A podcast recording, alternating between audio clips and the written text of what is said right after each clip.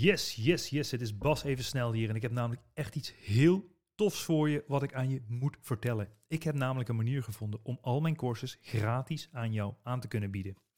Ik heb meer dan 54 miljoen euro omzet gedaan in de e-commerce. Dus van wie leer je nou liever? Een guru die een auto huurt in Dubai of iemand die meer dan 10 jaar winstgevend is in de e-commerce? Als je liever niet van de guru leert en bewijs wilt zien van de 54 miljoen euro omzet, schrijf je dan gratis in voor al mijn trainingen op basdeeltuit.nl. Ik heb hier niks te verkopen. Je krijgt gratis toegang tot mijn unieke dwarsmethode. Al mijn e-commerce courses, gratis 1 op 1 coaching en een gratis ticket voor het e-commerce kickstart event waar ik jou alles van A tot Z ga uitleggen hoe jij een succesvolle e-commerce business kan gaan opzetten. Alles is letterlijk gratis. Er zitten hier geen addertjes onder het gras. Dit wordt namelijk mogelijk gemaakt door een subsidie die jij ook geheel gratis en kosteloos kan aanvragen. Je hoeft zelf niks voor te schieten en normaal kost dit pakket 2000 euro. Schrijf je snel in op basdeeltuit.nl om gratis toegang te krijgen tot dit hele spektakel. Ik zeg veel plezier met het luisteren van deze podcast en tot snel. Ciao, ciao.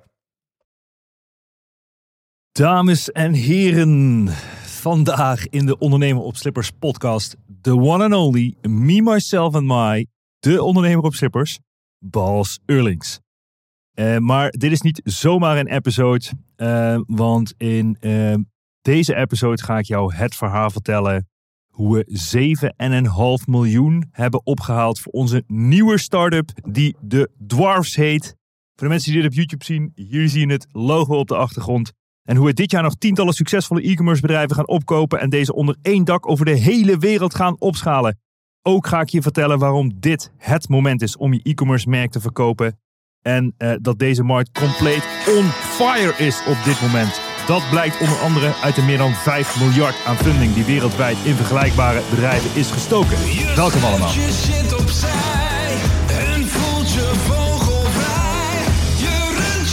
Business op je slippers en dat maakt je blij. Je droom is werkelijkheid, bent van de stress bevrijd. Je kraakt de code van het leven met zekerheid. Yes, yes, yes, welkom allemaal. En dit wordt weer een speciale episode over wat ik allemaal eigenlijk een beetje heb meegemaakt de afgelopen tijd. En dit is eigenlijk nog maar één onderdeel daarvan. Want het is nog veel meer wat ik heb meegemaakt, maar het is eigenlijk al te veel om in één episode te bevatten. Maar in deze episode ga ik jullie door mijn reis nemen hoe, ik, uh, ja, hoe wij eigenlijk het voor elkaar hebben gekregen om 7,5 miljoen aan funding op te halen voor een nieuwe start-up. Letterlijk, dit is een ongekend iets wat er gebeurd is in Nederland in ieder geval. Je ziet het niet vaak dat een bedrijf die start in ieder geval zoveel geld ophaalt. Maar ik ga jullie helemaal door het uh, verhaal heen nemen. En ehm, ja, ja, in ieder geval, ik vind het in ieder geval een verhaal om uh, mijn vingers bij af te likken al. En het wordt nog veel mooier. Maar goed, um, waar begon het allemaal? Het begon eigenlijk allemaal uh, met een uh, ja, persoon die mij probeerde te benaderen. Dit was een doorgewinterde investeerder. Zijn naam is Robert Wilhelm. Um, en hij begon een beetje te googlen op internet, want uh, hij had een, een uh, opportunity op zijn, op zijn bureau liggen, waar hij wel wat meer informatie voor nodig had van kenners uit de markt. Nou ja, en die opportunity, dat was op dat moment een ander bedrijf in, in, in Londen, Engeland, die ook een vergelijkbaar idee had om meerdere merken op te kopen en die onder één dak eigenlijk op te gaan schalen.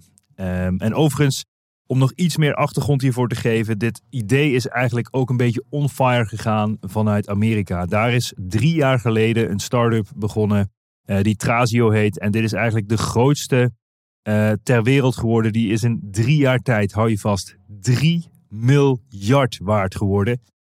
En het is echt insane als je het mij vraagt hoe je in drie jaar tijd een bedrijf kan opzetten die 3 miljard waard is. Het is de snelst groeiende, winstgevende unicorn in de US ever. Um, dus dat is echt wel, echt wel bizar te noemen. Dus dit, dit hele businessmodel is letterlijk ja, een soort van vuur over de hele wereld. Uh, maar goed, uh, op een gegeven moment was uh, Robert Wilhelm aan het googelen. Hij had een vergelijkbare opportunity op zijn bureau liggen. en hij dacht van ja, wie kan ik nou vragen om deze opportunities eens goed te beoordelen? Nou, zo begon hij te googelen en gelukkig kwam die bij mij uit. Ehm, eh, maar hij wilde mij vaderen. Alleen het mooie aan dat verhaal is, is dat het natuurlijk niet zo 1, 2, 3 gaat. Ik moet eerlijk zeggen, weet je, ik ben redelijk gereserveerd in eh, eh, contact. Want als ik met iedereen die mij benadert ook het contact daadwerkelijk leg, dan heb ik eigenlijk A, geen business meer en B, geen leven meer. Dus ik ben daar redelijk gereserveerd in. Dus er zitten de nodige filters eigenlijk in mijn, ehm, ja, in mijn systeem. Ehm, eh, dus op een gegeven moment had hij namelijk contact, had hij telefonisch contact. Hij had mijn boek aangeschaft, nu of nooit op Amazon. Ehm, en vanuit dat boek had hij gezien van, nou oké, deze jongen weet wel iets van Amazon af. En, en, laat ik hem eens gaan benaderen. Nou, toen heeft hij mijn team aan de lijn gehad. en hij is mijn hele funnel zo wat doorlopen. En uiteindelijk kwam hij bij mijn team terecht en hij zei van ja, ik wil Bas Eurling spreken. Um, en zo is hij uiteindelijk toch naar de nodige filters bij mij terechtgekomen. En uh, heeft hij me het verhaal kort uitgelegd. En toen heb ik besloten om, om naar hem toe te gaan om deze opportunity te gaan bekijken. Nou, ik zit ook al wat langer in de e-commerce. En um, nou ja, ik heb ook een goede vriend van mij, die heet Damian Beenakker. Die zit ook al echt, is ook een doorgewinterde e-commerce vogel. Die met name in, in het meubilair groot is geworden. Wat hij echt ja, door heel Europa heeft verkocht. Um, en Damian die op, had op dat moment eigenlijk, ehm, ja, had hij eigenlijk een, een, een, soort van ja, pauze genomen. Want hij had zijn bedrijf verkocht een dik jaar geleden. En hij was eigenlijk een jaar lang een beetje van alles en nog wat aan het doen. Maar eigenlijk niet zoveel. Maar goed, hij had een soort van tussenjaar genomen waarin hij zichzelf de rust gunde. Dus ik Damian bellen. Ik zeg Damian, ik eh, ben benaderd door een doorgewinterde investeerder. Uh, en die wil graag een opportunity bekijken. En hij vroeg zich af of ik daar naar wilde kijken hoe interessant dat is. En aangezien jij ook al verstand hebt van e-commerce, misschien is het leuk als jij meegaat. Nou, zo gezegd, zo gedaan. En dit was nog overigens midden in het hele corona-tijd, spektakel, tijdperk. Ehm, dus nou ja, toen hebben we bij hem in de tuin afgesproken. ik had Damian meegenomen. En nou, zo hadden we uiteindelijk een call met de partij waarin hij mogelijk wilde gaan investeren. Um, en nou ja, dus ik en Damian het verhaal aangehoord wat nou precies het businessmodel was en wat de achtergrond daarvan was. En nou ja, dat klonk ons eigenlijk wel heel erg interessant in de oren. En overigens, deze Robert Wilhelm, die is al ja, echt al 30 jaar een doorgewinterde investeerder. investeert in bedrijven over letterlijk de hele wereld. Um, en ja, ook dat was voor ons natuurlijk een heel erg interessante leercurve. Aangezien ja, wij ook dat hele investeerspelletje natuurlijk wel wat beter willen snappen. Maar goed, uh, uiteindelijk hebben we dus die, uh, die opportunity daar uh, ja, bekeken. En we zaten dus in een call met die partij uit, uit de UK. Ehm, en, en ja, toen hebben we daarnaar gekeken en toen vonden we het eigenlijk wel mega interessant. En we werden er echt mega enthousiast van. Dus zo gezegd, zo gedaan. En hadden we het idee om, om dus eigenlijk... ja, het idee is eigenlijk meer dat je met een groep mensen dan gaat investeren in zo'n opportunity. Nou ja, uh, toen uh, is Robert eigenlijk bij zijn netwerk gaan peilen van oké, hoeveel animo er voor was. En ja, binnen no time hadden we eigenlijk ja, ongeveer een miljoen bij elkaar om in deze opportunity te investeren. Maar goed, lang verhaal kort, weet je, wilden we heel graag investeren in deze opportunity, maar is deze opportunity een soort van last minute afgeketst. En um, ja, dat, is, dat was eigenlijk best wel zuur. Want wij waren echt, ja, we, we zagen echt dat hier, dit een mega groeimarkt is. En um, dat we graag wilden deelnemen in deze partijen. Maar goed, toen zaten we intussen in de groep mensen die ook geïnvesteerd hadden in deze opportunity. En we zaten eens even te scannen van ja, welke mensen wilden nou eigenlijk heel graag investeren. En daar zaten eigenlijk best wel uh, bekende namen in, ook in de e-commerce wereld. Uh, en er komt binnenkort een persbericht uit ook. Dus ik kan helaas nog niet zoveel zeggen over welke mensen uh, hier ook in zaten. Maar ook in ieder geval die ook een rol in de dwars gaan spelen. Maar daarover ga ik je natuurlijk alles vertellen. hoe dat is ontstaan. Maar in ieder geval, um, ja, toen, toen hebben we besloten eigenlijk om de koppen zelf bij elkaar te steken. Weet je. En in, in het begin ja, vroeg ik ook wel eens, vroeg ik ook aan, aan, aan Robert van hij investeer of doe je het nooit zelf een business opzetten. Nou ja, eigenlijk was dat niet per se zijn businessmodel, want hij was investeerder. Maar ja, deze opportunity die was zo interessant dat we eigenlijk met de slimste koppen van, van de investeerders bij elkaar zijn gekomen. Eh, toen zijn we een beetje gaan sparren waarom we dit businessmodel niet zelf gaan doen. Aangezien dit ook in Nederland nog helemaal niet gebeurt. Dus eigenlijk is het super uniek dat wij deze opportunity eh, op dat moment hadden. En dit was allemaal eh, eind vorig jaar, dus eind 2020, eh, hebben, wij, hebben wij onze koppen bij elkaar gestoken. En toen dachten we van oké, laten we dit nou eens bekijken. En hoe zit het in elkaar? Nou, Robert, die had ook een, een, een goede vriend, waar die wel vaker motortripjes mee maakte in de Sahara en allemaal dat soort fratsen. En die heet Michiel van der Meer. Nou, Michiel van der Meer die, eh, is ook een, eh, letterlijk een doorgewinterde ondernemer. Ehm, eh, nou ja, is, hij, is ook, Michiel is een beetje ook al wat ouder. Zit al lang in het vak. En Michiel heeft over de hele wereld bedrijven opgezet. En met name Portugal was voor hem een, een groot succes. Hij heeft ook slim gekeken van welke businessmodellen in de wereld zijn er nou ja, aantrekkelijk om op te zetten. En in welke landen zijn die nog niet succesvol. Ehm, en zo heeft hij onder andere, eh, nou ja, laten we zeggen, een soort van eh kloon van Funda, dus van real estate opgezet in Portugal. Eh, maar ook de grootste autosite van Portugal heeft Michiel ook opgezet.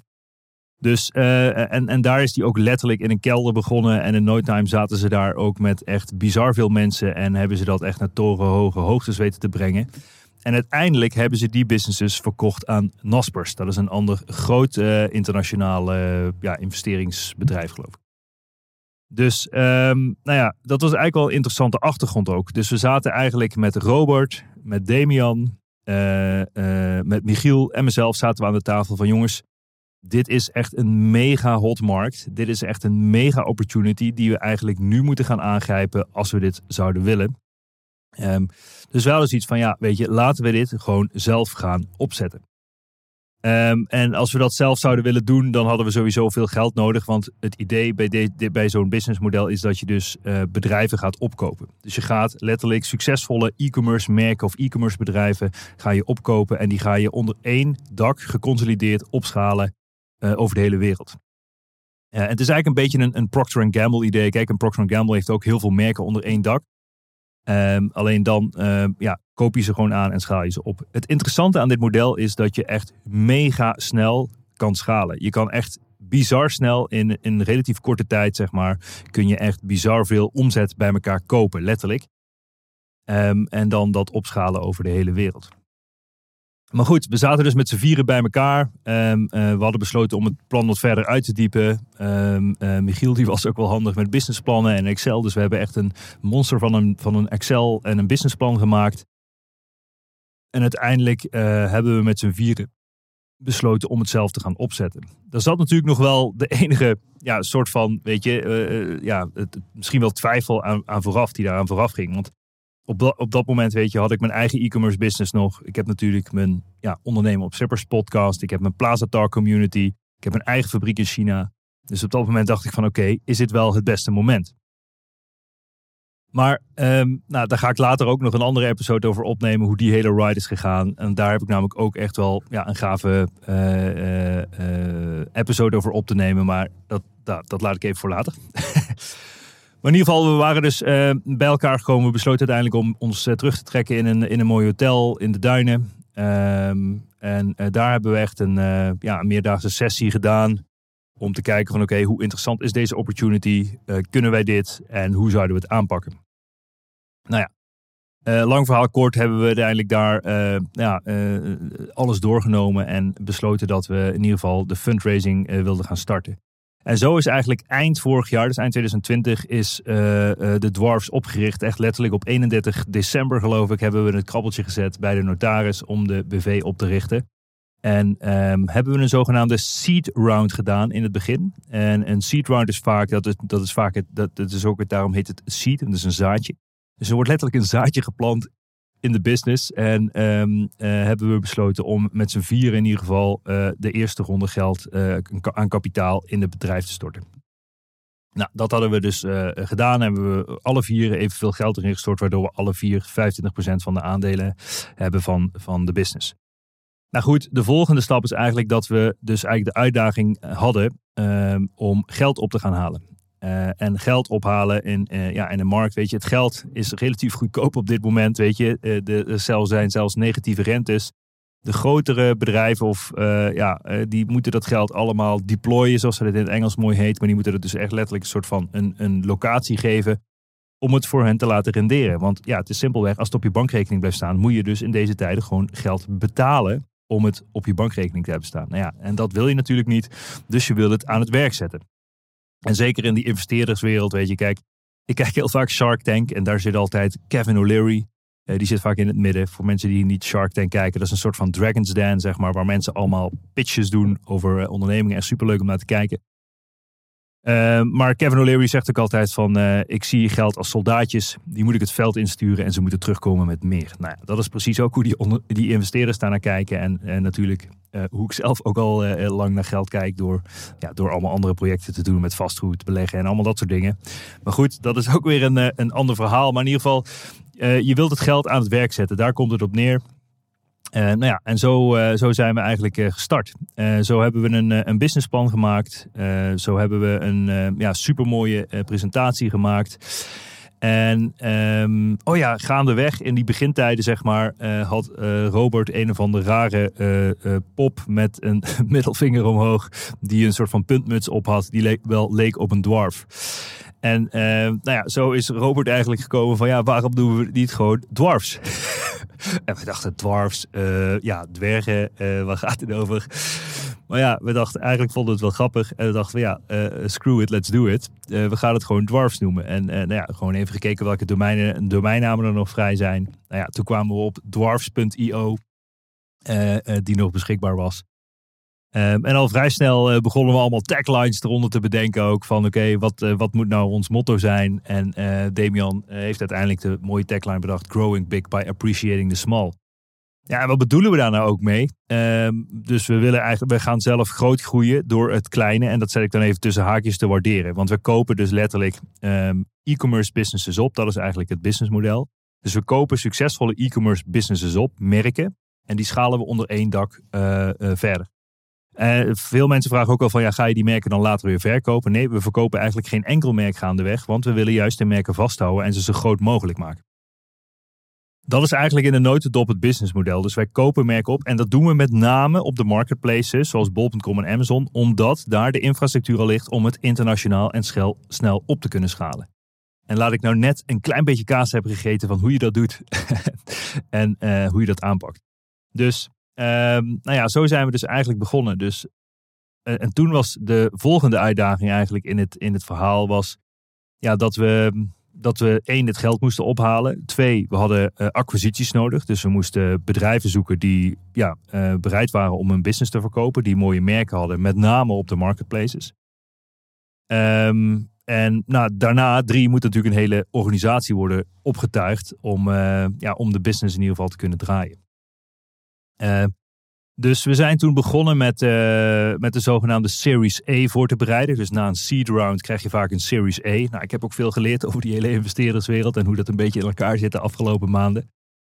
Uh, maar uh, we hadden dus een Series A nodig. De Series A is eigenlijk simpelweg gewoon geld ophalen om je businessmodel uit te kunnen voeren.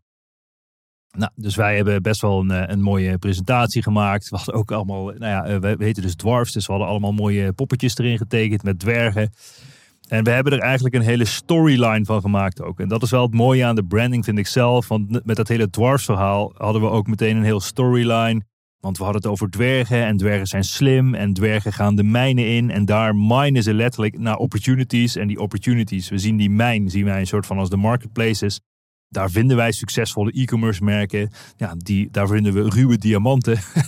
en vervolgens kunnen we die ruwe diamanten zeg maar uh, uh, opschalen Ehm, eh, op de platformen zoals Bol en Amazon. Natuurlijk ook een e-commerce of een retail en andere uh, multi-channel platformen. Maar in ieder geval, dat is in ieder geval de hele filosofie geworden van de dwarfs, weet je. Dus dat is een mooie eh, branding van bra branding perspectief is dat ook wel, is dat ook wel tof. Uh, maar goed, zo hadden we dus een mooie presentatie in elkaar gezet die dat hele verhaal uitlegt. Ook wel met branding uh, perspectief. Uh, de nodige tools gebruikt om een beetje te, ja, te conformeren ook aan, aan degene die mogelijk in ons zou willen investeren. Dat er echt mega omzetten zitten op echt enkele producten die gewoon op Amazon staan, die hoog in een categorie staan. En nou ja, goed, ik, uh, ik help uh, best wel veel mensen met het helpen met het opschalen van hun merken. En ik weet zelf gewoon als je bovenaan een categorie komt te staan op Amazon, ja, Duitsland of UK bijvoorbeeld, dat zijn de grootste Amazon-landen in Europa. Ja, dat je letterlijk met één product, zeg maar, ja, gewoon een miljoen plus per jaar kan doen, of misschien wel meer.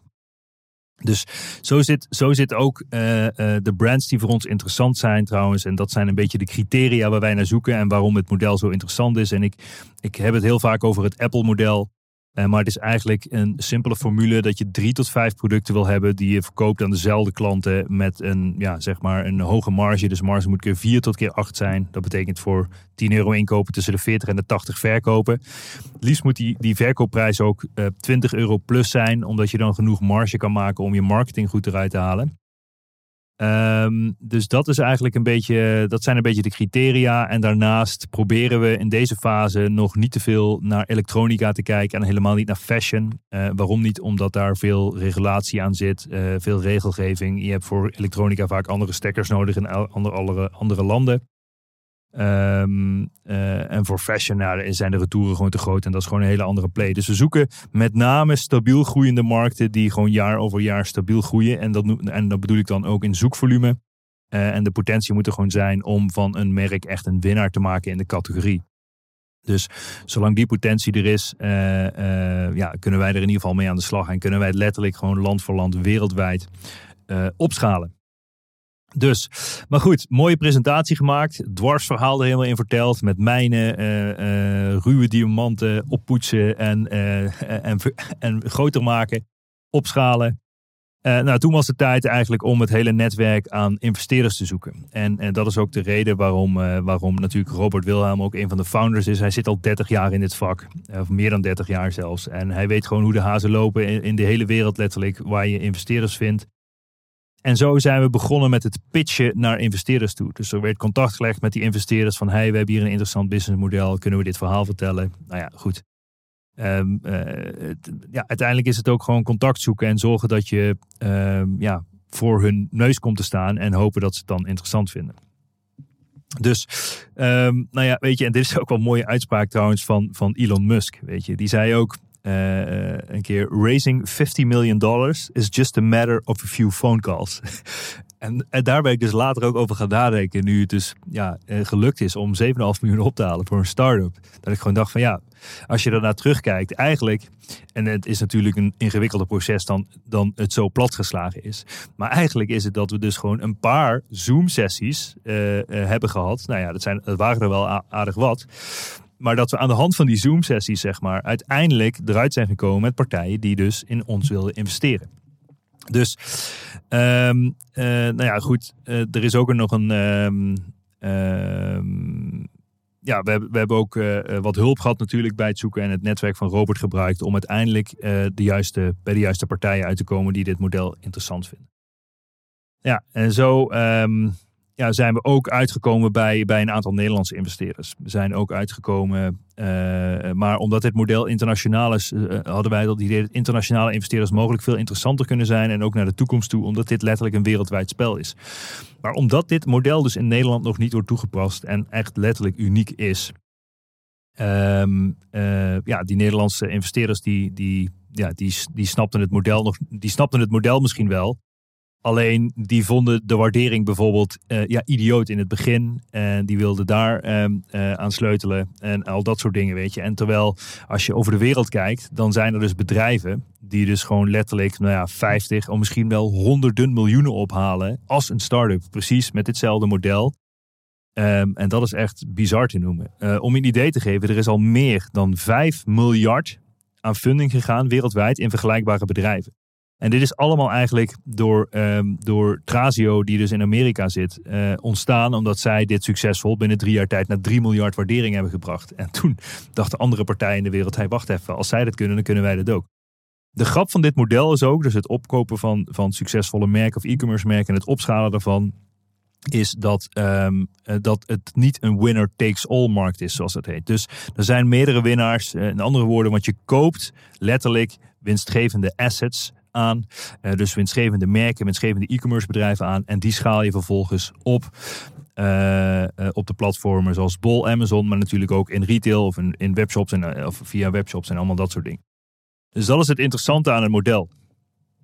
Maar goed, uh, toen begon dus de Series A. En we moesten ja, het was een uitdaging om dat geld op te halen. Dus we hebben dus echt letterlijk met echt hele grote partijen, zowel in Nederland als internationaal, uh, in Zoom-sessies gezeten. En Nederland ook aan tafel gezeten, omdat dat iets makkelijker was in Nederland. Um, uh, maar helaas waren de Nederlandse partijen uiteindelijk uit beeld gekomen. Eén, omdat ze de waardering veel te hoog vonden. Ze er wilden te veel aan sleutelen. En twee, wij zagen ook veel meer upside aan de internationale partijen. Omdat die ook de deuren voor ons internationaal letterlijk kunnen gaan openen. Nou ja, zo zijn we uiteindelijk ook uh, terechtgekomen bij een paar internationale partijen. Um, uh, en uh, eentje daarvan is Harlan Capital. Harlan Capital heeft ook in de early days geïnvesteerd in, um, in Trazio. En dat leek ons ook wel interessant om die partij aan boord te hebben. Dus daar hebben we een paar calls mee gehad. En ze waren echt mega, mega, mega enthousiast over, uh, ja, over uh, ons hier en de markt in Nederland. Kijk, wat de markt in Nederland eigenlijk zo interessant maakt, is uh, dat ze. Ehm, ja, dat, dat, dat het hier nog letterlijk een blue ocean is. Weet je, dus op, op bol.com is niemand die succesvolle merken opkoopt en ze onder één dak opschaalt. En internationaal gezien is er nu al meer dan 5 miljard aan funding ingegaan, zeg maar, uh, die uiteindelijk ervoor zorgt dat, dat, dat dit soort partijen merken opkopen en ze dan vervolgens opschalen. Dus um, ja, dat is in ieder geval, uh, ja, dat, dat is gewoon, het is echt bizar te noemen. En omdat er dus wereldwijd zoveel geld in dit soort vergelijkbare bedrijven um, uh, gaat, zorgt er ook voor dat alle merken, dus als je succesvol bent op de marketplaces, dat je dan redelijk snel wordt benaderd. Um, nou, zo ben ik ook benaderd door echt een flink aantal partijen uh, voor mijn merken die ik op Amazon verkoop. En zit ik daar eigenlijk ook een heel proces. En daar zal ik later nog een keer een, een mooie podcast over opnemen, hoe dat hele proces is gegaan.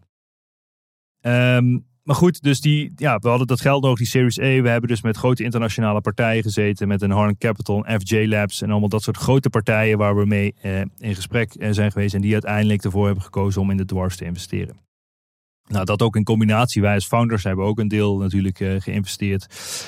Um, uh, en hebben we uiteindelijk letterlijk aan de hand van nou ja, tientallen Zoom calls en een hele ride aan spektakel. Maar goed, we hadden best wel een ambitieuze tijdlijn. Want we, wij snapten ook dat de time nu is. We moeten, speed of execution is echt mega belangrijk in deze markt. Want doe jij het niet, doet iemand anders het. En ja, je wilt gewoon zo snel mogelijk naar buiten komen. één met het nieuws en zo snel mogelijk ook operationeel zijn. Omdat dat je op de lange termijn gewoon mega veel voordeel gaat opleveren. Dus Um, nou ja, lang verhaal kort. Het heeft ons ongeveer, uh, ja, ik denk drie maanden geduurd eigenlijk om dit hele spektakel rond te breien. En we hadden eigenlijk een nog iets ambitieuzere tijdlijn. Um, uh, maar goed, uiteindelijk uh, ja, duurt, duurt het altijd net iets langer dan dat je wilt. Maar echt binnen drie tot vier maanden hadden we, hebben we het gewoon helemaal rondgekregen. En Weet je, ik had nooit kunnen bedenken bij mezelf van oké, uh, laat ik dit model doen, laat ik eventjes 7,5 miljoen ophalen en dit uh, opschalen. Maar het komt ook door de unieke set mensen die we bij elkaar hebben gezet. Dus een, um, uh, een Damian die ook al mega lang in de e-commerce zit. een Michiel van der Meer die al succesvolle bedrijven heeft opgezet in verschillende landen in de wereld en ze ook succesvol heeft verkocht. Een Robert die, die echt mega, ja, mega doorgewinterde investeerder is en gewoon precies snapt hoe dat spel werkt met geld ophalen en het opschalen van businesses en dat soort dingen. En weet je, en ik bedoel, ik was altijd wel ook een grote denker, weet je. Ik, ik zeg altijd tegen mezelf, als de business die ik start niet een miljardenpotentie heeft, dan, dan moet ik eigenlijk nee zeggen. Dan moet ik het niet doen. En dit is uh, echt, op dit moment heb ik 100% het gevoel dat dit de eerste business is die in een relatief korte tijd naar een miljardenwaardering zou kunnen gaan. Weet je, en dat klinkt natuurlijk uh, bizar groot en misschien nog wel ver weg. Maar je ziet gewoon dat het in drie jaar tijd naar 3 miljard kan gaan. Uh, als je het goed aanpakt. En ehm, nou ja, dat is eigenlijk ook een beetje ja, hoe wij in de race zitten. Want we kunnen dit model dus gewoon super snel opschalen. Nou ja, goed, weet je, en het, en het vinden van die opportunities is eigenlijk nu ook gewoon de challenge. Dus mocht je dit horen of luisteren en heb je zoiets van, ja, ik zou een, ik zou een exit willen maken met mijn merk, dan, dan, dan kun je natuurlijk gewoon um, je merk melden. Um, uh, ik zal ook zorgen dat er een, trouwens een, um, een e-book te downloaden is hoe jij je moet voorbereiden op een eventuele verkoop. Uh, dat is namelijk heel belangrijk. Uh, als je je niet goed voorbereidt, dan, ja, dan, gaat het waarschijnlijk, dan gaat het niet goed. Dus op plazatalk.nl slash verkopen kun jij een e-book downloaden. eh, waarin jij de stappen ziet hoe je het beste kan voorbereiden op een eventuele verkoop. Dus plazatalk.nl slash verkopen. Ehm, daar kun jij een e-book downloaden uh, die, uh, ja, waar je kan, uh, kan zien wat je, welke stappen je even moet nemen en hoe je het beste kan voorbereiden op een eventuele verkoop van je bedrijf.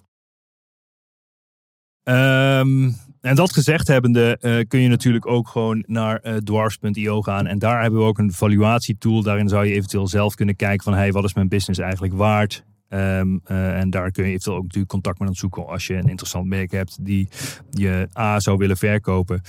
Um, en het interessante erin, en, en bedoel, dat is ook waarom ik denk dat je nu... waarom nu de tijd is om je merk te verkopen... Uh, dat heeft ook te maken met de markt. Omdat de markt letterlijk on fire is. Omdat, er, uh, ja, omdat dit het moment is om de juiste waardering voor je merk te krijgen. Denk ik dat het slim is om, om te kijken of je een mooie exit kan maken. En welke grootte zoeken we trouwens? Weet je, als jij vanaf ja, het liefst zoveel mogelijk, maar het begint al met een paar ton omzet per jaar tot, nou ja, laten we zeggen 10 miljoen. En we kijken ook zelfs al naar grotere opportunities van 20 miljoen. En we hebben zelfs eentje. Ja, we hebben zelfs een mogelijke samenwerking die al meer dan 80 miljoen doet. Uh, maar dus eigenlijk maakt het helemaal niet zo heel veel uit hoe groot je bent. Maar het moet wel starten met een bepaalde grootte. Dus en dat is, ja, die ondergrens ligt echt wel met een aantal tonnen. En het liefst een half miljoen plus per jaar aan omzet. Uh, dan is het interessant voor de, voor de dwarfs in ieder geval om naar je, om naar je opportunity te kijken. Maar goed, we zitten eigenlijk nog midden in de Series A. Dus al die calls gehad, Zoom calls gehad met die verschillende partijen. Um, ja, en uiteindelijk nou, natuurlijk een heel papieren spektakel. Want het zijn allemaal internationale investeerders. En er moet allemaal samenkomen bij de notaris om dat rond te maken. Wat ook een heel spektakel was. Ehm, maar ja, zo, zo, zo is het uiteindelijk ontstaan. En hebben we uiteindelijk er, het voor elkaar gekregen om, om dus een, een totaal 7,5 miljoen bij elkaar te schrapen, letterlijk, om uiteindelijk gewoon dit, deze business op te zetten. Nou ja, wat de tweede component die bij deze business komt kijken is, is venture debt. wat is venture debt? Venture debt is eigenlijk niet meer dan een schuld die je kan gebruiken om bijvoorbeeld in ons geval bedrijven aan te kopen. Um, en zo zijn we ook ja, eigenlijk sideways met partijen in gesprek gegaan die venture debt verstrekken. Um, en venture debt is vaak een, een, een, component die in, in dit businessmodel bijvoorbeeld misschien wel een factor 4 tot, ja, laten we zeggen, ja, factor 4 tot, tot 6 of zo. Ten opzichte van de equity, dus 7,5 miljoen Series A, dat is equity. Daarvoor hebben we een deel van de aandelen weggegeven. Um, maar de venture debt is niet meer dan een schuld die je kan gebruiken om uiteindelijk bedrijven aan te kopen. Ja, waarom is, het nou, waarom is het nou zo interessant om die schuld te gebruiken om die bedrijven aan te kopen? Oh, dat is voor meerdere redenen interessant. Eén, je betaalt in de begintijd, zeker als je nog uh, ja, nu een start-up zijn, betaal je relatief veel rente om dat geld te kunnen lenen. Maar um, aangezien wij uh, e-commerce bedrijven snappen en ze snel weten op te schalen, kunnen we, stel we kopen een business aan, ik noem even een, een bedrag voor, voor 1 miljoen. Of die doet een miljoen omzet en die kopen we aan. En laten we, uh, ja, geen idee wat dat ongeveer. Het ligt een beetje aan de, aan de EBITDA die zo'n bedrijf doet. Um, en de EBITDA is trouwens een beetje, ja, laten we zeggen, een soort van de winst. Um, en daar zit vaak een soort van multiple op. Dus die multiple uh, op die winst bepaalt uiteindelijk je, de waarde van, van je e-commerce bedrijf. En het is, is, van veel factoren afhankelijk trouwens wat die multiple precies is. Uh, maar laten we zeggen dat die ja, ongeveer een beetje tussen de ja, gemiddeld tussen de 2 en de 4 zou liggen, die multiple. Um, en het kan ook lager liggen, maar het ligt echt aan hoe jouw business ervoor staat, hoe interessant die is, hoe groot die is, uh, hoeveel merkwaarde je hebt gecreëerd, hoe uniek je producten zijn en dat soort dingen. Maar goed. Uh, dus, maar dit venture debt is dus belangrijk om die bedrijven aan te kunnen kopen. Um, en zo zijn we ook internationaal gaan kijken naar venture debt verstrekkers, zoals dat heet. En in ons idee hadden we dus 7,5 miljoen equity uh, opgehaald. En um, nou ja, hebben we ook met heel veel verschillende partijen gesproken die venture debt verstrekken. Uh, en die ook uh, nou ja, de snelste meters hebben kunnen maken naar venture debt verstrekkers die dit model al snappen. En die misschien de boot hebben gemist bij een, bij een paar opportunities hiervoor. En heel graag ook uh, met een partij zoals dit in zee wilden gaan. En dat heeft uh, zeker wel geholpen dat we, dat we redelijk snel, best wel serieus met, bepaal, met bepaalde venture debt partijen uh, aan tafel hebben uh, gezeten. Ehm, en in ons geval, zeg maar, eh, ja, zat die range ongeveer omdat we 7,5 miljoen equity op hebben gehaald. Als je dat dus keer 4 doet, ehm, dan heb je het ongeveer over een miljoentje of 30 aan venture debt. En ik moet eerlijk zeggen, op dit moment ehm, is venture debt nog niet definitief. We hebben er eigenlijk heel slim, denk ik, aan gedaan om eerst de business te lanceren. Ook al onze eerste overname eh, gedaan te hebben. Daar zou, ik je dadelijk nog wat meer over vertellen. En vervolgens het, eh, eh, het venture debt stuk te finalizen. Ehm, want ja, toen we eenmaal de Series A hadden gesloten. en ehm, nou ja, belangrijk voor ons was dus eigenlijk dat we simultaan met het sluiten van die Series A een aankoop zouden doen met een succesvol e-commerce bedrijf in Nederland. Nou ja, en ik zit zelf natuurlijk, ehm, eh, ja, ook in, met Plaza Talk help ik andere mensen met het groeien van hun merken. Maar ik zat even in mijn netwerk na te denken van ja, wie heeft er nog meer eh, succesvolle merken die die verkoopt op, op Bol en Amazon? Ja, en zo ben ik uiteindelijk bij, bij Marco Konings uitgekomen. En, en ik ken Marco Konings al een hele tijd persoonlijk. Ehm, en eh, we hebben ook af en toe eh, eh, afgesproken om te sparren over de business. We hebben allebei misschien wel een beetje een vergelijkbare ride achter de rug. Eh, wat, wat betekent dat we in eerste instantie begonnen met een webshop. Daarna inzagen van nee, webshops zijn het niet. Transformatie gemaakt naar marketplaces. We begonnen met een eh, assortiment te stapelen. Dus we begonnen met een paar producten verkopen. En op een gegeven moment hadden we bizar veel SKU's. En ook Marco heeft uiteindelijk een heel groot deel van, van zijn producten letterlijk soort van uitverkocht. Om zich te focussen op alleen maar de winnaars. Eh, en te focussen op alleen maar de merken en de marketplaces. En ehm, ja, ook dat gezegd hebbende is dat ook een beetje de trend hoe je dat ziet. Hoe dat in Amerika al normaal is. Dat mensen een business starten op Amazon. Ehm, en als ik een paar jaar terugkijk in Nederland of in ieder geval in Europa, zijn er de mensen die starten met een webshop. En gaan dan ook verkopen op een marktplaats als een additioneel kanaal. Maar goed, de, de grote trend die ik zie op dit moment is dat mensen nu al starten met het verkopen op eh, eh, marketplaces. En, en dat is ook hetgene wat, ja, wat ik eigenlijk vaak eh, de mensen uitleg, dat dat het slimste is om te doen bouw je eigen merken op de marketplaces only. Want daar bouw je één ook de, ja, de meest stabiele cashflow voor je bedrijf. Maar ook voor een eventuele exit is het super interessant. Hoe meer revenue je doet, dus het liefst 90% plus op die marketplaces. Ja, dat is ook super interessant voor de dwarfs, omdat wij het vanaf dat punt zeg maar heel goed internationaal ook kunnen opschalen. Plus, het is operationeel gezien ook een minder hassle dan ehm, je bijvoorbeeld webshops runnen in, in meerdere werelddelen en ehm, met alles wat daarbij komt kijken. Dus dat is eigenlijk een beetje het model. Eh, maar goed, eh, dus we zijn zo bij Marco Konings uitgekomen. Marco Konings die heeft eh, Amco International. En dat is een bedrijf die zit in de, in de keukenaccessoires. Hij heeft een aantal merken in de keukenaccessoires. Ja, daar zijn we dus zo naar gaan kijken. En eh, uiteindelijk had ik eh, Marco benaderd. Ik zeg, Marco, zou je bereid zijn om je business te verkopen? Nou, dat ging een beetje op en neer. En op een gegeven moment eh, nou, hadden we met Marco afgesproken. En eh, nou ja, zijn we eens wat dieper erin gedoken. En eigenlijk werd eh, Marco ook wel heel erg enthousiast van het verhaal eh, van, van de dwarfs. Dus, eh, en eigenlijk eh, nou ja, hebben we hem een beetje warm gemaakt, zeg maar, om ook eh, zijn business of zijn merken aan de dwarfs te verkopen. Ehm, en uiteindelijk, eh, nou ja, hij deed ongeveer trouwens 6 tot 7 miljoen aan omzet eh, op die marketplaces. eh, met name Bol en Amazon, maar ook via zijn eigen webwinkel. Ehm en, en ja, dat was een hele interessante ja, prooi voor ons om, om op te nemen. En, en buiten dat heeft Marco natuurlijk ook een aantal, aantal boeken geschreven over Amazon. Is hij ook wel echt een kenner van het platform en weet hij precies wat hij daar doet. Dus ook dat was een mooie asset om erbij te hebben bij, bij de Dwarfs.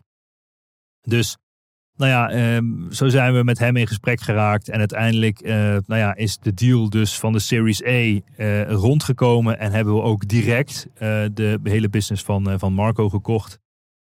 Ehm, ja, hij zit met zijn bedrijf ook in, in het zuiden van het land, in, in de buurt van Maastricht. En ja, mijn ouders die wonen ook daar in de buurt. Dus eh, het is ook wel een leuke eh, bijkomstigheid. Maar het maakt in principe niet zoveel uit. Want nu, nu, eh, ja, het is gewoon super vet dat we echt met de slimste eigenlijk ondernemers bij elkaar, en zo zie ik het, dit avontuur nu gestart zijn. Ehm, dus we hebben letterlijk, ja, bij de Dwarfs zitten we allemaal met super slimme ondernemers bij elkaar die eh, ja, eigenlijk dit model ehm, eh, nu gaan aanpakken in Nederland. En inmiddels eh, hebben we echt een, aardige pijplijn. Ehm, eh, zijn we echt druk bezig. Eh, zijn we ook natuurlijk met, met Bol zelf in gesprek. Maar zijn we met name op zoek naar merken die interessant zijn voor ons om te, te, ja, op te kopen. Dus ja, nogmaals, mocht je een merk hebben of iets die je in de e-commerce hebt en je denkt van hey, misschien is het tijd om een, om een exit te maken, dan kun je het altijd aan de dwars verkopen.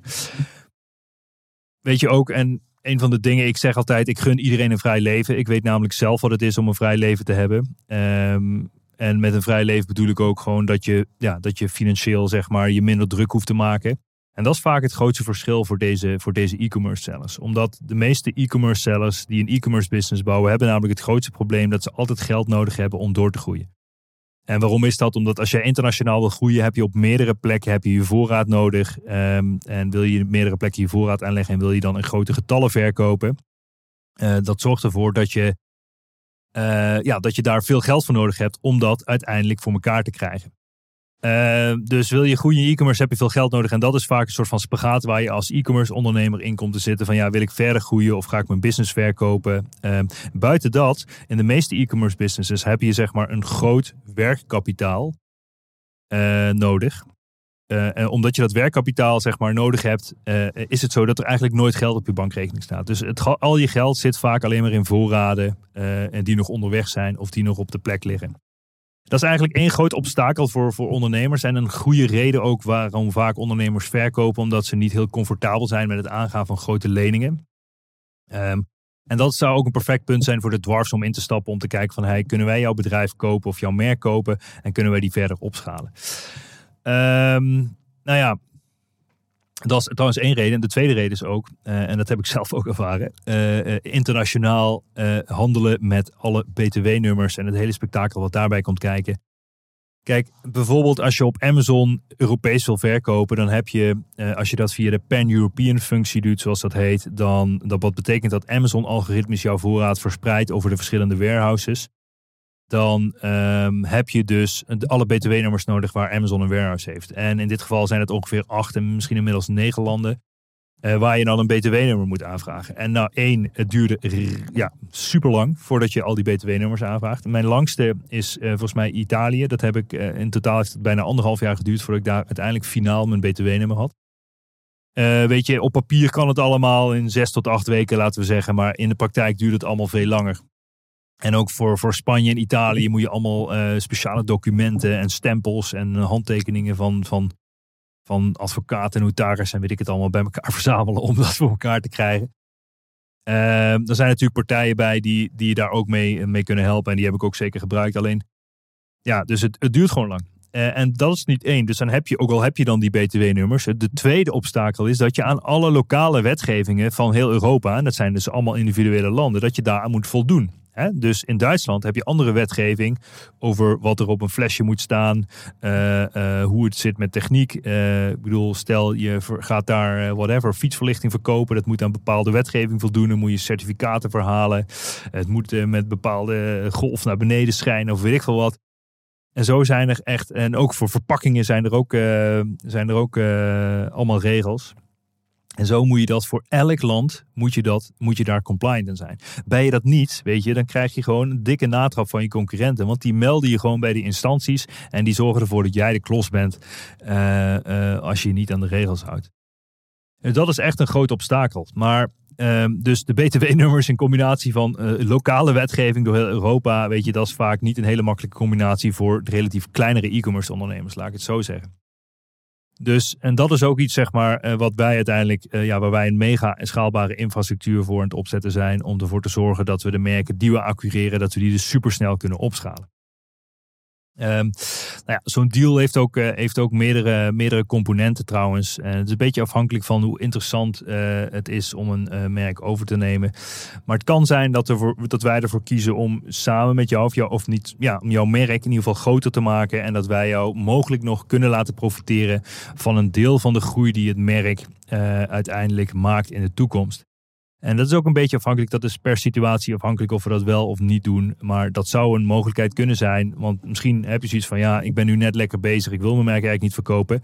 Maar je weet eigenlijk ook wel dat als de Dwarfs het aanpakt met één, de resources die we hebben aan geld. En twee, het team wat we daar hebben, als wat gewoon world-class marketplaces operators zijn. Uh, dat je merk waarschijnlijk 30 keer harder groeit. En dat als je ja, nog zou kunnen mee profiteren van een deel van de upside van de groei, dat je daar in ieder geval eh, ja, mogelijk ook eh, goed aan doet, zonder dat je zelf daar veel hoofdpijn van krijgt. Maar dan weer terug te komen bij die exit, weet je, nogmaals, ik gun iedereen een vrij leven. Dus stel je hebt een e-commerce business, eigenlijk heb je bijna nooit geld op je rekening staan. Sterker nog, je hebt geld geleend om te kunnen groeien. En dan in één keer kom je bij, klop je bij de dwarfs aan en kun je echt letterlijk gewoon echt geld krijgen voor je business of voor je merk die je hebt opgebouwd. En wat betekent dat je dus gewoon een exit kan maken en dat we ja, in veel gevallen veel mensen miljonair zullen maken na een exit.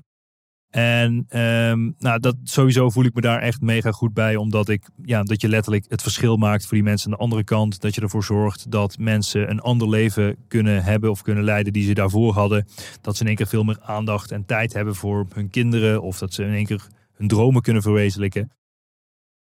Weet je, als je, whatever je ook wil, of je nou um, ja, een wereldreis wil maken, of dat je een huis wil bouwen, of misschien wil je wel eh, een, een, een bus opknappen en de wereld rondreizen in een camper of zo, of whatever je wil.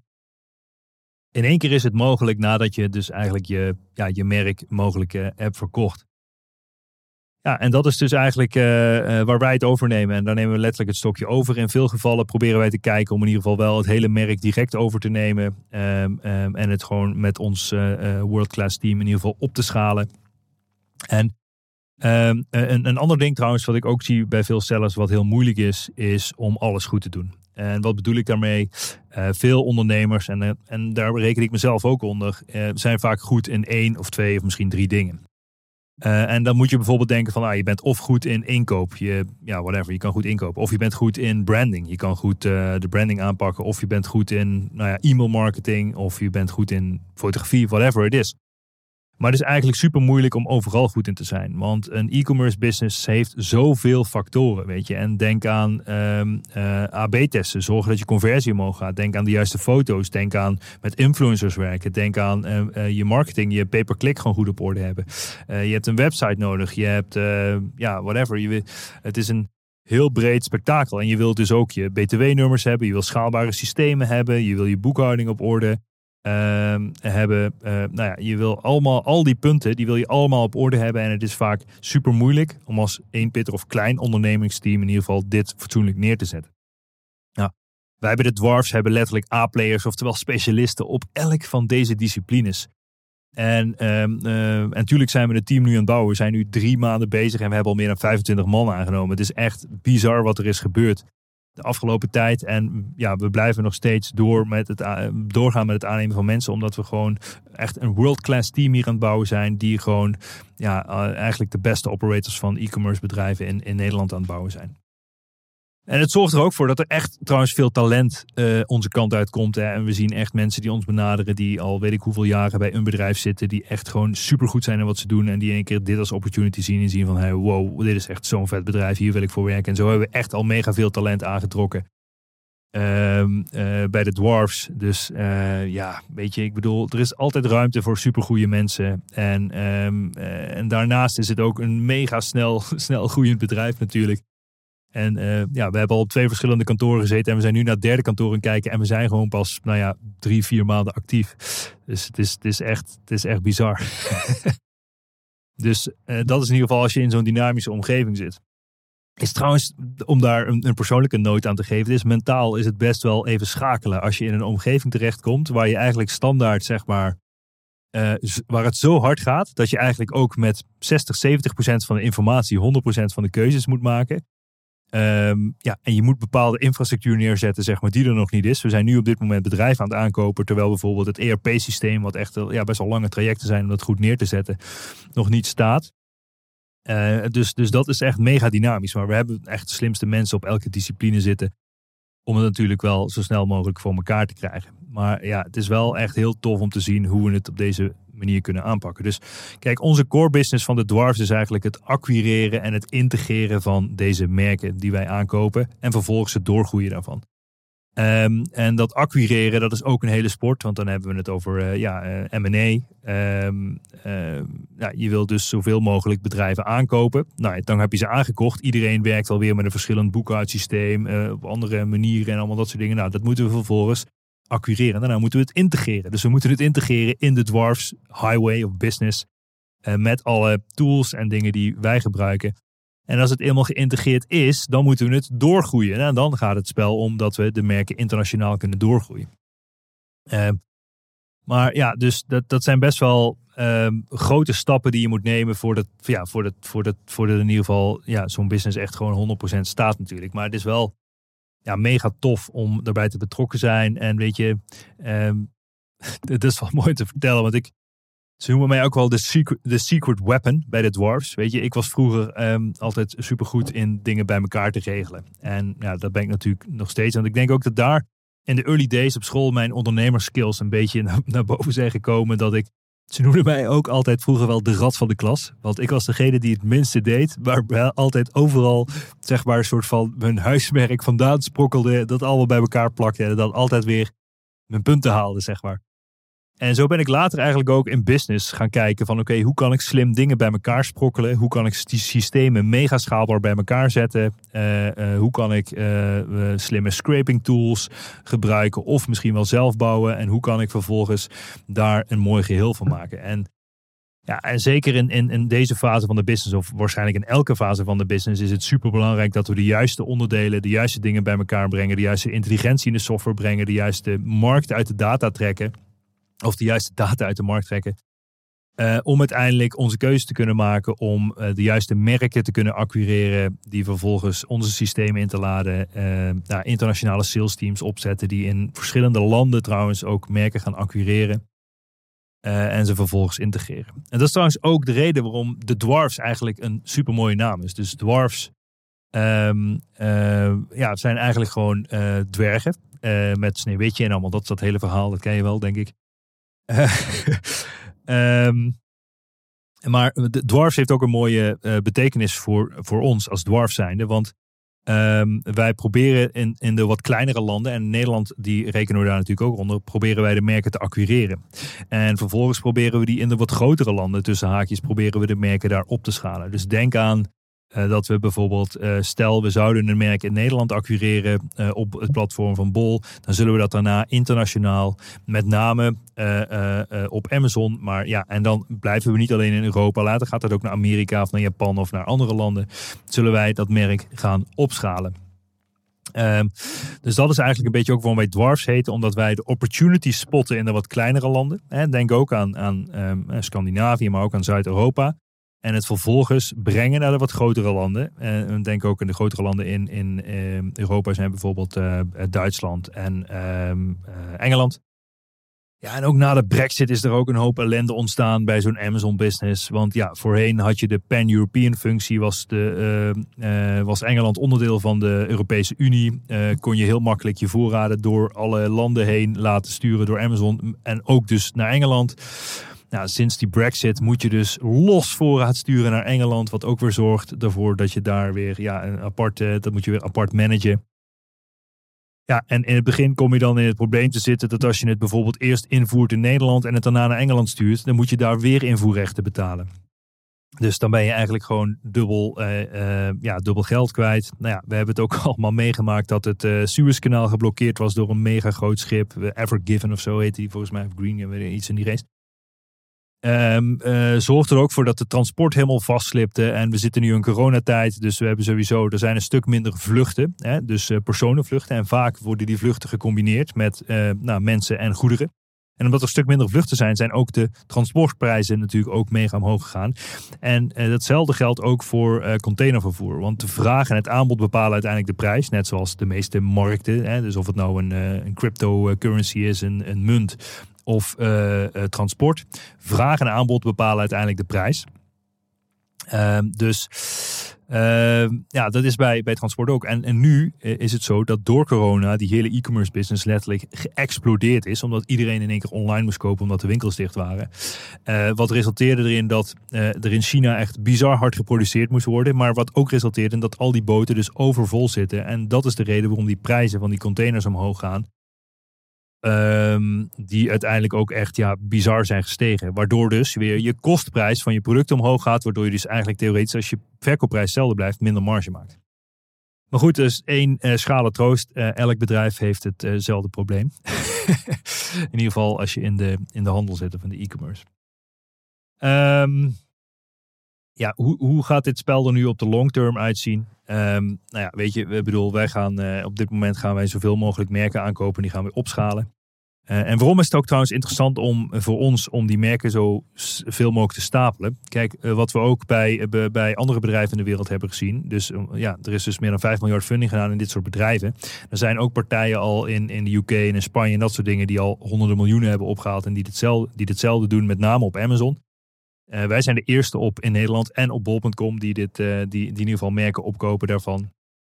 Ehm, maar ehm, ja, wa- wa- wat, waar het in de toekomst naartoe gaat, is waarschijnlijk dat sommige van die bedrijven naar de beurs eh, willen gaan. En dat ze dan ook de, ja, dat ze dan conculega's gaan opkopen. Ehm, eh, ja, en, en dat is in ieder geval de long-term play die ik zie. Dat op een gegeven moment gaat zo'n markt gaat dat, eh, consolideren. En ehm, ja, gaan er, eh, gaan er bepaalde partijen gaan dan of samen of worden opgekocht door andere partijen. Omdat er uiteindelijk iemand een, een, een beursgang zou willen maken. Maar ja, dus dit is een beetje de, de bizarre ride waar ik in ik heb gezeten de, de afgelopen maanden eigenlijk. En ehm, nou ja, oh ja, dat is ook mooi om te vertellen, want we hadden echt, ja, we hadden echt een supergoeie eh, perscampagne gelanceerd. En ehm, nou ja, we hebben echt nou ja, bijna elk groot eh, krant, eh, e-commerce tijdschrift en dat soort dingen. We hebben echt letterlijk overal ingestaan. En denk over het Financieel Dagblad, eh, Twinkel, e-merse, De Ondernemer. maar ook een internationale pers heeft ons gevonden. We hebben ook internationale persberichten gelanceerd. En zo zie je eigenlijk dat het echt bizar hard gaat als je zoiets dus lanceert en op de juiste manier erin zet. Ehm, eh, en met, met ook wel met echt een goed persbureau gewerkt die dit allemaal voor elkaar heeft gekregen. Ehm, eh, en, en dat is wel echt heel tof om te zien dat we zoveel perscoverage hebben gekregen in het begin. Wat ook resulteerde in weer heel veel inbound leads. En mensen die hun merk wilden verkopen. En die zijn naar eh dwars.io gegaan. En uiteindelijk hebben ze ja, gezegd van ja, ik zou wel willen verkopen. Nou goed. Ehm, zou jij willen verkopen, wil je hierop voorbereiden? Daarvoor hebben wij dus een, eh, een, eh, een speciale checklist gemaakt op plazatalk.nl slash verkoop. Ehm, en daarin kun je eventueel ehm, deze, ja, deze checklist downloaden om te kijken van hey, ben ik klaar om te verkopen. En eh, ja, daar kun je in ieder geval gewoon gratis deze checklist downloaden. Nou ja, ik vind in ieder geval, het is altijd wel leuk. Ik vind het altijd wel tof om, om mijn eigen reis te updaten. En ik kreeg heel veel van, vaak van mensen te horen van ja Bas, wat maak jij allemaal mee? En deze podcast eh, was ik begonnen met allemaal interviews en allemaal interessante mensen. Eh, hoe ik de toekomst ga inzien. Ik ga denk ik wat meer vertellen over eh, ja, wat ik allemaal meemaak, wat er in de e-commerce wereld gebeurt. Ik probeer iets meer richting e-commerce te gaan, zodat mensen ook daadwerkelijk iets hebben eh, die in de e-commerce zitten aan deze podcast. Eh, en eh, nou ja, ik ga zeker ook zeer interessante vogels uit de e-commerce op, op korte termijn interviewen. Maar ik ga ook wat vaker mijn eigen reis delen.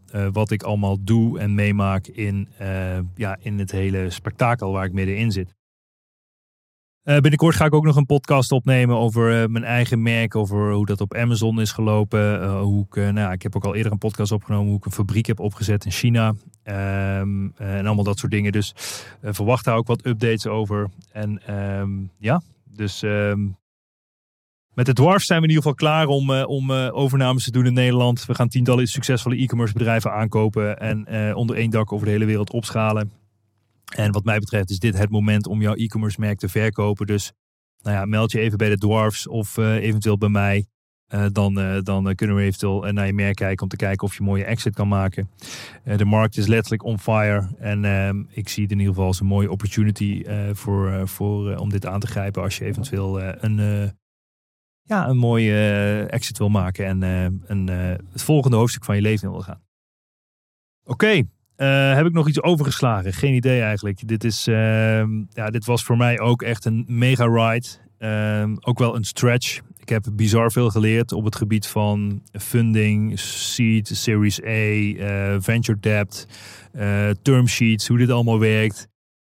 Ehm, nou ja, ik zal later ook nog wel eh, wat podcasts gaan opnemen. Welke stappen je zou kunnen nemen. Hoe je je bedrijf kan voorbereiden op, eh, op een verkoop. eh, welke stappen er zijn als je je bedrijf gaat verkopen. En allemaal dat soort dingen. En ik zal ook op, op korte termijn wat interviews gaan doen met mensen die bij de Dwarfs werken. Zodat we Ja, zodat we gewoon uh, mooie content uh, voor, voor jullie kunnen creëren om uiteindelijk uh, ja, jullie te inspireren. Eén, zullen we jullie ook willen helpen of helpen met het, opgroeien, met het groeien van jullie eigen merk. En ja, dan hopelijk dat er vroeg of laat ook ehm, ja, dat het interessant kan zijn voor jou om je merk te verkopen aan de dwarfs.